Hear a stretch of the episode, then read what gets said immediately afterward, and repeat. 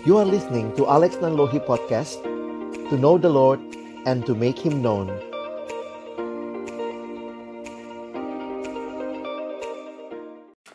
Baik, mari Bapak Ibu yang dikasihi Tuhan, kita akan sama-sama berdoa sebelum kita membaca merenungkan firman Tuhan. Bapa di dalam surga, kami datang dalam ucapan syukur sore hari ini Terima kasih Tuhan memimpin kami di dalam pekerjaan kami sepanjang hari ini dan tiba waktunya bagi kami untuk bersama-sama membuka firman-Mu ya Tuhan. Kami mohon kiranya ketika kami membuka firman-Mu, bukalah juga hati kami. Jadikanlah hati kami seperti tanah yang baik, supaya ketika benih firman-Mu ditaburkan itu boleh sungguh-sungguh berakar, bertumbuh, dan juga berbuah nyata di dalam hidup kami. Berkati hambamu yang menyampaikan semua kami yang mendengar, Tuhan tolonglah kami semua, agar kami bukan hanya menjadi pendengar-pendengar firman yang setia, tetapi mampukan dengan kuasa, dengan pertolongan dari rohmu yang kudus, kami dimampukan menjadi pelaku-pelaku firman-Mu di dalam hidup kami, di dalam keseharian kami. Bersabdalah ya Tuhan, kami umatmu sedia mendengarnya. Di dalam satu nama yang kudus, nama yang berkuasa, nama Tuhan kami Yesus Kristus, kami menyerahkan pemberitaan firman-Mu. Amin. Shalom, selamat sore Bapak Ibu, Saudara yang dikasihi dalam Tuhan Yesus Kristus. Salam kenal, mungkin mungkin ada yang sudah kenal, ada juga yang mungkin belum kenal, baru pertama ber ini namanya berzumpa ya, karena kita lewat Zoom ya. Saya pendeta Alex Nanlohi, saya ada di Jakarta saat ini dan saya melayani bersama dengan pelayanan perkantas di Jakarta. Saya bersyukur untuk kesempatan yang diberikan untuk melayani Bapak Ibu Saudara sekalian dan juga dalam tema yang diberikan kepada kita pada sore hari ini. Saya akan coba share screen dari apa yang saya siapkan untuk tema yang mungkin kalau di uh, Pelita Harapan ya yayasan ini wah jadi tema saya khotbah di mana aja ini temanya begitu ya. Christ we proclaim dan pasti buat Bapak Ibu sekalian juga ini bukan kali pertama mendengarkan uh, bagian ini dibahas. Nah, tetapi saya ingin mengajak kita melihat sesuai dengan bagian firman Tuhan, perikop Alkitab yang diberikan kepada kita hari ini, kita akan melihatnya di dalam kaitan dengan kitab Kisah Para Rasul kita akan melihat kisah para rasul pasal yang pertama, ayat yang pertama sampai dengan ayat yang ke-11. Kisah Rasul pasal yang pertama, ayat pertama sampai dengan ayat yang ke-11. Mari Bapak Ibu Saudara, kita bisa mengikuti di Alkitab kita masing-masing. Saya akan membacakannya bagi kita. Hai Theophilus, dalam bukuku yang pertama, Aku menulis tentang segala sesuatu yang dikerjakan dan diajarkan Yesus sampai pada hari ia terangkat. Sebelum itu ia telah memberi perintahnya oleh Roh Kudus kepada rasul-rasul yang dipilihnya. Kepada mereka ia menunjukkan dirinya setelah penderitaannya selesai dan dengan banyak tanda ia membuktikan bahwa ia hidup. Sebab selama 40 hari ia berulang-ulang menampakkan diri dan berbicara kepada mereka tentang kerajaan Allah. Pada suatu hari, ketika ia makan bersama-sama dengan mereka, ia melarang mereka meninggalkan Yerusalem dan menyuruh mereka tinggal di situ menantikan janji Bapa yang demikian katanya telah kamu dengar daripadaku. Sebab Yohanes membaptis dengan air, tetapi tidak lama lagi kamu akan dibaptis dengan Roh Kudus. Maka bertanyalah mereka yang berkumpul di situ, "Tuhan, maukah Engkau pada masa ini memulihkan kerajaan bagi Israel?" Jawabnya, "Engkau tidak perlu mengetahui masa dan waktu yang ditetapkan Bapa sendiri menurut kuasanya, tetapi kamu akan menerima kuasa kalau Roh Kudus turun ke atas kamu." Dan kamu akan menjadi saksiku di Yerusalem dan di seluruh Yudea dan Samaria dan sampai ke ujung bumi. Sesudah ia mengatakan demikian, terangkatlah ia disaksikan oleh mereka dan awan menutupnya dari pandangan mereka. Ketika mereka sedang menatap ke langit waktu ia naik itu tiba-tiba berdirilah dua orang yang berpakaian putih dekat mereka dan mereka dan berkata kepada mereka, "Hai orang-orang Galilea, mengapakah kamu berdiri melihat ke langit?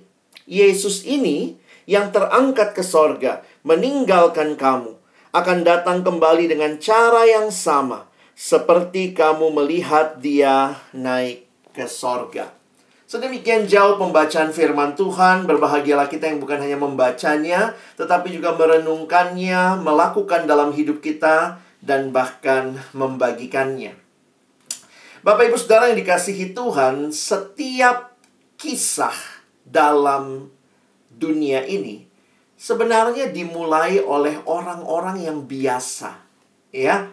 Kalau kita bicara kisah-kisah dalam dunia, wah, ini dimulai oleh orang-orang yang biasa, Saudara. Misalnya ya, Spider-Man.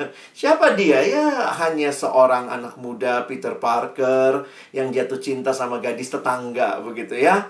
Siapa uh, Luke Skywalker ya? seorang petani biasa yang kemudian uh, yang hidup di planet Tatooine lalu kemudian mendapatkan pesan untuk menyelamatkan seorang putri di planet lain begitu ya uh, atau mungkin kisah uh, Cinderella begitu ya kalau kita lihat ya ini cuma kisah seorang gadis yang hidup sama ibu tirinya dan dua saudara tirinya dan ketika dia bertemu dengan uh, fairy godmother maka hidupnya berubah gitu ya kisah-kisah yang ada di dalam dunia sebenarnya adalah kisah yang melibatkan orang-orang yang biasa. Lalu apakah kisah yang luar biasa?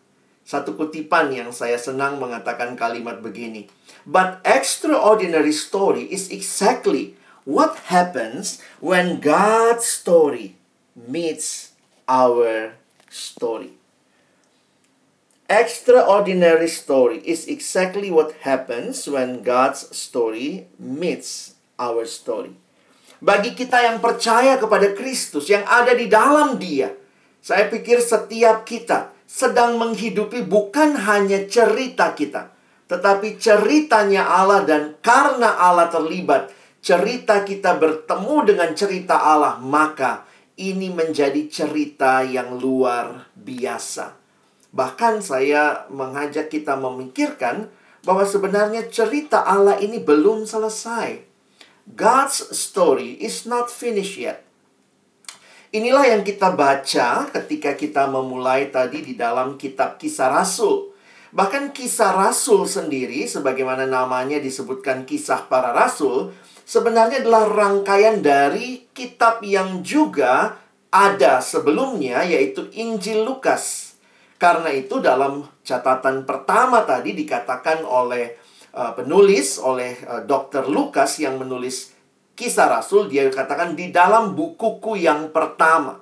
Jadi ternyata kalau kita memperhatikan Lukas sedang menuliskan ulang ya kisah kepada seorang bernama Theophilus. Kita tahu tadi ya, Hai Theophilus demikian kitab ini dibuka. Dan ini adalah bagian kedua. Jadi ketika selesai menuliskan Injil Lukas, Lukas berbicara tentang Yesus dari dia lahir sampai kemudian dia mati dan bangkit di Injil Lukas. Lalu kemudian kitab kisah Rasul melanjutkan adalah kisah kehadiran Kristus juga yang melalui sebenarnya kalau kita perhatikan bukan melalui para rasul pada pada dasarnya. Kalau teman-teman, Bapak Ibu sekalian belajar kisah rasul, sebenarnya kan rasulnya tuh ganti-ganti ya. Kisah Rasul 1 sampai atau kisah Rasul 2 sampai 9 misalnya kita lihat itu uh, kuat sekali dibicarakan tentang Petrus. Tetapi kemudian sesudah itu ganti lagi ya. Kita lihat kemudian mulai dibahas tentang Paulus sampai akhir kitab kisah Rasul. Sehingga beberapa penulis atau penafsir Alkitab berkata bahwa actually this is not the the the apostle story, but this is the story of the Holy Spirit. Ini kisahnya Roh Kudus yang memakai para rasul. Sehingga kalau kita melihat bahwa the story of God is not finished yet. Waktu Yesus ada di dalam dunia, dia hidup, dia menyatakan Allah kepada manusia. Tetapi ketika dia kembali ke surga, maka dia mengutus rohnya yang kudus untuk melanjutkan misi ini. Dan, Bapak Ibu, saudara sekalian, bagi kita yang hidup saat ini, orang-orang yang percaya pada Kristus yang juga menerima Roh Kudus, kita juga sedang meneruskan kisah Allah ini. Karena itu saya setuju dengan pendeta John Stott yang mengatakan kutipan yang menarik ya. Does Jesus ministry on earth exercise personally and publicly. Nah, ini Injil Lukas mencatat ya. Was followed by his ministry from heaven. Ternyata Yesus tetap melanjutkan pelayanannya bahkan waktu dia kembali ke surga karena kenapa? Dia mengutus Roh Kudus. Exercise through his Holy Spirit by his apostles. Jadi Bapak Ibu Saudara, inilah kisah pelayanan Yesus yang terus sedang kita lanjutkan. Sehingga ini selaras sekali dengan tema kita. Christ we proclaim. God's story is not finished yet. We are still menjadi orang-orang yang menyatakan Kristus, proclaiming Christ melalui kehidupan kita. Nah, saya ingin mengajak kita fokus hanya kepada ayat yang ke-8 sebenarnya untuk kita mencoba melihat ya karya Roh Kudus yang hadir di dalam kehidupan kita. Kalau kita lihat murid-muridnya, ketika Yesus sudah bangkit, maka dia masih bersama mereka kurang lebih 40 hari sebelum dia naik ke surga. Nah, masa-masa ini mereka terus berpikir, wah Yesus sudah bangkit, maka mereka memikirkan apakah Yesus akan membangun kerajaan Israel secara politik. Karena itu perhatikan pertanyaan mereka di ayat yang ke-6. Tuhan, maukah engkau pada masa ini memulihkan kerajaan bagi Israel? Dan jawaban Yesus menyatakan ada hal yang jauh lebih penting daripada sekadar berbicara kerajaan military and politically. Jawabnya, engkau tidak perlu mengetahui masa dan waktu yang ditetapkan Bapa sendiri menurut kuasanya. Nah, perhatikan ayat 8. Tetapi kamu, ya berarti para murid, para rasul, tetapi kamu akan menerima kuasa. But you will receive power. Tapi kapan itu dialami? Kalau roh kudus turun ke atas kamu. Dan kamu akan menjadi saksiku di Yerusalem dan di seluruh Yudea dan Samaria dan sampai ke ujung bumi. Perhatikan ayat ini. Dikatakan you will receive power when the Holy Spirit comes on you and you will be my witnesses in Jerusalem, in all Judea and Samaria and to the ends of the earth. Nah, Bapak Ibu Saudara yang dikasihi Tuhan, saya mau mengangkat dua frasa yang muncul ya bahwa bagaimana mengerti Christ we proclaim. Ketika saudara dan saya bicara tema yang penting ini, Christ we proclaim, Kristus yang kami beritakan, maka ingatlah this is not from us as the source. Saya akan ajak kita lihat dua hal. Pertama, kita akan melihat God's presence in the Holy Spirit. Itu yang kita lihat tadi you will receive power when the Holy Spirit comes on you. Dan yang kedua, kita berbicara tentang our mission as God as God's witness, ya.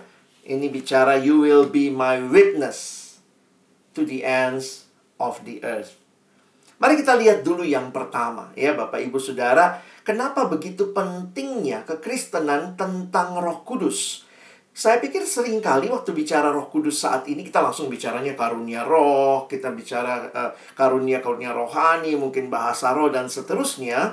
Tetapi kalau kita perhatikan karya Roh Kudus adalah sebuah karya, adalah sebuah kisah yang membawa kuasa, the story of the Holy Spirit who brings power. Dan ini karunia, sorry, maksudnya ini kuasa. Kuasanya untuk apa? Nah, ini jadi menarik. Seorang penafsir Alkitab mengatakan begini, bahwa ini adalah kuasa yang membawa hidup saudara dan saya makin kenal Tuhan dan juga memperkenalkan Tuhan. Saya ulangi ya. Jadi kehadiran Roh Kudus di dalam hidup kita membuat kita tuh makin kenal Tuhan, makin serupa Tuhan, tetapi juga kita makin memperkenalkan Dia. Nah, kita coba lihat ya dalam bahasa uh, buku ya, ini bahasa textbook ya. Dikatakan the, the Holy Spirit not only internalize Jesus to bring each one of us to become more like Jesus, but at the same time, the Holy Spirit universalized Jesus through God's people wherever we go. Kenapa ini jadi penting?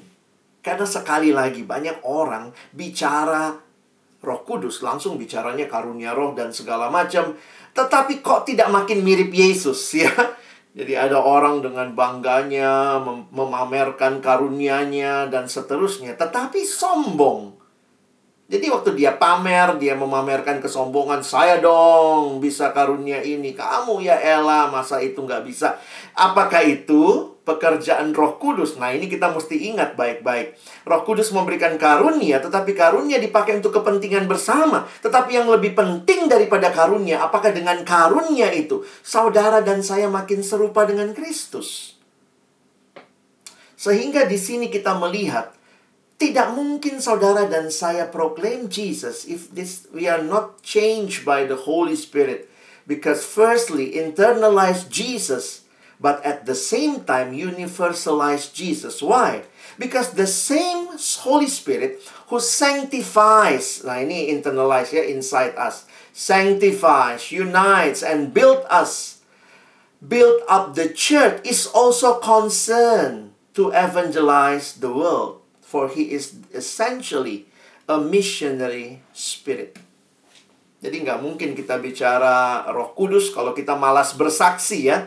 Kalau saudara cuma menggunakan roh kudus, karunia roh untuk kesombongan diri, kebanggaan, lalu rasanya kita lebih rohani dari orang lain, bahkan kita tidak memberitakan Yesus melalui kehidupan kita, sebenarnya pertanyaan itu roh apa yang kita miliki? Because the same Holy Spirit ini juga menolong kita makin serupa Yesus, tetapi makin memperkenalkan Yesus because he is essentially a missionary spirit. Mengapa ada kitab kisah rasul? Karena ini. Karena kalau roh kudus turun ke atas kamu, maka kamu akan diberikan kuasa. Kalau roh kudus turun, kuasa itu buat apa? Kuasa itu bukan buat pamer. Kuasa itu untuk meneruskan pekerjaan Allah Makanya Yesus berkata mereka yang memiliki uh, hidup yang baru dari dalam hatinya akan mengalir air hidup. Bapak Ibu pernah lihat itu? Maaf ini slide-nya saya siapkan dalam bahasa Inggris ya. Uh, dalam Yohanes 7 ayat 37 38 out of his heart will flow the rivers of living water dan kemudian dinyatakan di ayat berikutnya yang dia maksudkan adalah Roh Kudus bahwa akan ada hidup yang dibagikan. Ayat 39 menjelaskan, By this he meant the Holy Spirit, whom those who believe in him were later to receive. Up to that time, the Spirit had not been given, since Jesus had not yet been glorified. Yesus belum naik ke kayu salib sehingga waktu dia katakan ini menjadi satu antisipasi kalau nanti Roh Kudus datang. Maka dari dalam hati yang dipenuhi Roh Kudus akan mengalir aliran air hidup. Jadi, saudara yang dikasihi Tuhan, kalau bicara menjadi berkat, saya pikir itu sudah bagian lah ya dari kita semua yang dipanggil oleh Tuhan yang diberikan Roh Kudus dan itu memberikan kuasa kepada kita. Saya mengutip beberapa missionary yang menyatakan dengan tegas bahwa Roh Kudus itu roh misi ya. Roh Kudus adalah roh yang mendorong kita bersaksi. Nah, ini misalnya uh, Bishop uh, Archbishop William Temple No one can possess or rather indwelt by the Spirit of God and keep that Spirit to himself. Where the Spirit is, he flows forth. If there is no flowing forth, he is not there. Jadi saya pikir kita tidak jadi orang-orang yang hanya sibuk dengan diri kita. Pembaharuan yang kita alami menjadi pembaharuan yang kita saksikan bagi dunia. Seorang uh, missionary bernama Roland Allen Anglican missionary waktu dia menulis pengantar terhadap kitab kisah rasul dia mengatakan the book of the acts is strictly a missionary book the conclusion is irresistible that the spirit given was in fact a missionary spirit so then We too must be missionaries. Kalau kita ngakunya kita sekarang juga dipenuhi Roh Kudus, we too must be missionaries unless we are ready to deny the Holy Spirit of Christ as revealed in the book of Acts. Jadi harusnya kalau kita mengatakan kita juga menerima Roh Kudus, maka kita pun juga terus akan menjadi orang-orang yang di-empowered by the Holy Spirit who gives power for us. Untuk apa? Nah, ini yang berikutnya ya. Cerita Roh Kudus yang memberikan kuasa dibarengi dengan cerita kita yang dipanggil menjadi saksi sampai ke ujung bumi. Teman-teman, saya makin menyadari bahwa kuasa itu yang diberikan melalui Roh Kudus bukan kuasa untuk sombong-sombongan, untuk sekadar menjadi orang yang akhirnya dipuji-puji orang lain, tetapi ini menjadi sebuah kekuatan untuk kita bersaksi menyaksikan karya Kristus. Kalau Bapak Ibu Saudara melihat kitab Kisah Rasul, kalau kita perhatikan ya, kalimatnya menarik itu. Pergi jadikanlah semua bangsa muridku, itu kalau versi Matius di sini dikatakan mulai dari Yerusalem. Yerusalem itu nama satu kota. Lalu kemudian Yudea. Yudea itu nama provinsi di mana Yerusalem ada. Lalu Samaria. Wah, Samaria itu provinsi yang berikutnya lagi begitu ya. Sampai ke ujung bumi. Nah, ini banyak pertanyaan selama ini. Di mana sih ujung bumi begitu ya? Di mana kita harus jadi saksi sampai ke ujung bumi? Nah, di dalam peta pada masa Tuhan Yesus, Nah, ini kira-kira petanya. Kalau Bapak Ibu lihat di peta Alkitab kita juga di belakang, ini masa Tuhan Yesus hidup 2000 tahun yang lalu. Perhatikan petanya itu paling kanan bawah itu Yerusalem. Yerusalem, Yudea, Samaria, nah itu ada di sebelah situ.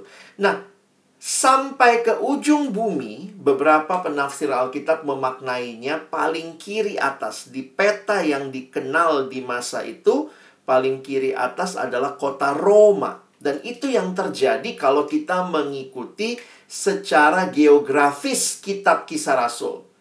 Coba misalnya perhatikan kisah Rasul 1 ayat 8 kan dikatakan engkau akan jadi saksiku mulai dari Yerusalem. Kalau Roh Kudus turun, kamu akan jadi saksi mulai dari Yerusalem. Makanya kalau Bapak Ibu teliti membaca kisah Rasul, kisah Rasul 2 Roh Kudus turun di Yerusalem. Lalu mereka bersaksi terus. Kisah Rasul 8, roh kudusnya turun di Samaria. Dan nanti lihat lagi sampai ke ujung bumi. Akhir kitab kisah Rasul berakhir di kota Roma. Paulus tiba di Roma. Itulah kisah Rasul 28. Sehingga kalau ditanya ya, di mana ujung bumi? Ya, Sebenarnya ujung bumi ini tidak sekadar berbicara lokasi. Nah, nanti kita cari lagi ujung bumi ya. Tetapi seorang penafsir Alkitab mengatakan tepat di mana kaki saudara berpijak itu ujung bumimu. Atau setahu satu penafsir lagi mengatakan to the ends of the earth. It signifies the proclamation of the gospel to all people wherever they may be. Dan dari mana kita pelajari ini? Pelajari dalam kitab kisah Rasul. Perhatikan, jadi pada waktu itu kisah Rasul 2, roh kudus turun di Yerusalem. Dan sampai kisah Rasul 7, ketika Stefanus mati, itu Injil masih di Yerusalem. Lalu setelah Stefanus mati, kisah Rasul 8 mencatat ya, bahwa mereka tersebar. Siapa yang tersebar? Jemaat. Rasul-rasul nggak tersebar ya. Coba Bapak Ibu perhatikan ya. Ini kisah Rasul 8. Those who had been scattered preached the word wherever they went. Ini yang terjadi. Mereka ini pergi. Nah, kalau kita tanya siapa mereka? Ini kalau kita PA mesti lihat ayat atasnya ya. Ternyata ayat 1 Kisah Rasul 8 ayat 1 menyatakan semua kecuali para rasul. Maksudnya apa? Para rasul memang tinggal di Yerusalem. Jaga kandang kira-kira ya. Tetapi mereka yang tersebar berarti mereka ini orang-orang biasa berarti. Kalau dibilang para rasul yang mengabarkan Injil di mana dia berada ya kita mungkin bisa excuse iya namanya rasul, apalagi kerjaannya gitu ya. Tetapi justru ini gerakan kaum awam ya. Those who have been scattered preach the word wherever they went. Sehingga hari ini saya mau simpulkan bagi kita tema yang penting yang kita dengar terus karena itu jadi tema yayasan begitu ya. Christ we proclaim. Ini bicara tentang hidup yang mengalami karya Roh Kudus yang berkuasa.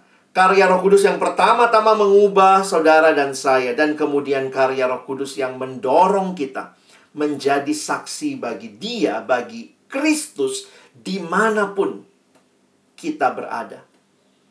Makanya kalau dulu karena saya studi S2-nya tuh misiologi ya. Dulu itu kalau kita belajar misi, misi dari mana? Ya lihat aja misionarisnya bule-bule. Misi itu from the west to the rest. Nah, itu biasanya jargon misi abad 18. From the west, dari dunia barat to the rest, kepada seluruh dunia. But now, mission is from everywhere to everywhere. Bahkan misi ini bukan hanya bicara misionaris hamba Tuhan. Tetapi when we say Christ we proclaim. Maka itu juga dinyatakan lewat hidup Bapak Ibu Saudara sekalian. Melalui pekerjaan kita. Sebagaimana kisah Rasul 8. Mereka yang tersebar. Saya waktu ingat kalimat itu. Mereka yang tersebar berarti mereka pekerjaannya apa? Mereka bukan rasul. Mereka yang tersebar memberitakan Injil. They preach the gospel. They proclaim Christ.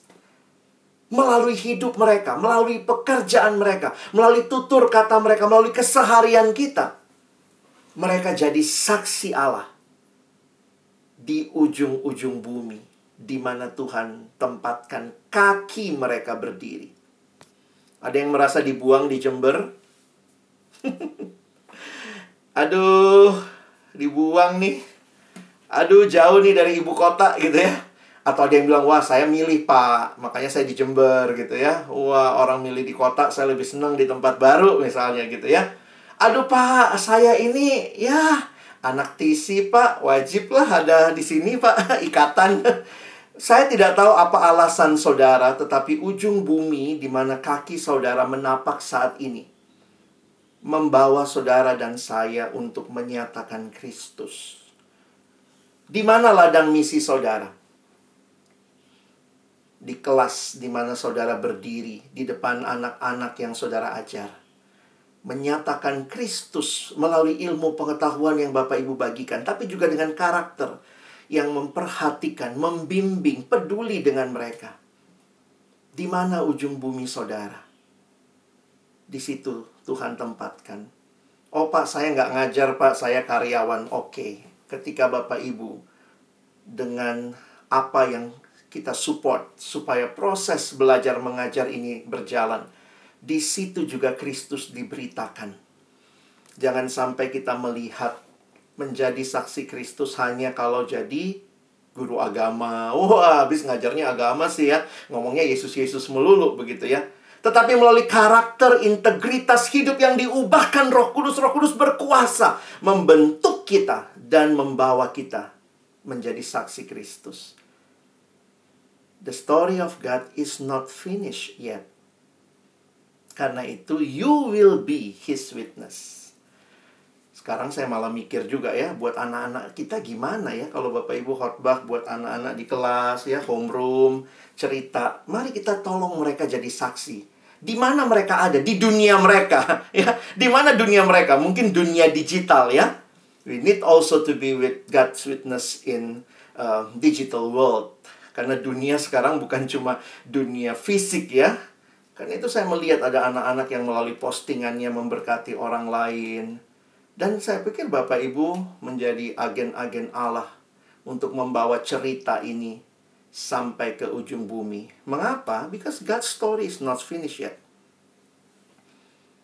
Pertanyaannya, will you continue his story? Di mana pun Bapak Ibu saat ini berada. Ada di Jember ya, di situlah Bapak Ibu, Christ we proclaim.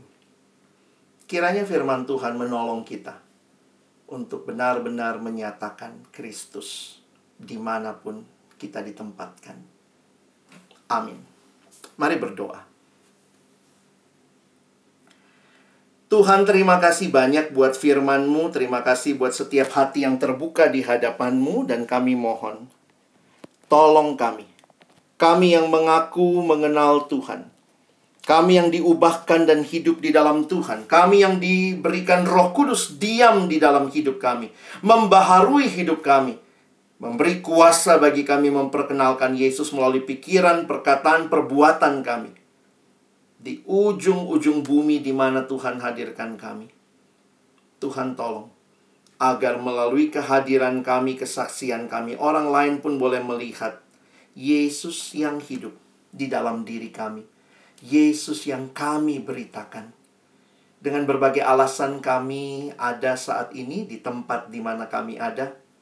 Tapi satu hal yang pasti, di mana pun itu, kami memberitakan Kristus. Berkati Bapak Ibu Saudara sekalian, agar kiranya kehidupan kami semua bukan hanya jadi pendengar-pendengar firman yang setia, tapi boleh menjadi pelaku-pelaku firman-Mu di dalam hidup kami. Dalam nama Tuhan Yesus kami sudah berdoa dan bersyukur untuk firman Tuhan. Amin.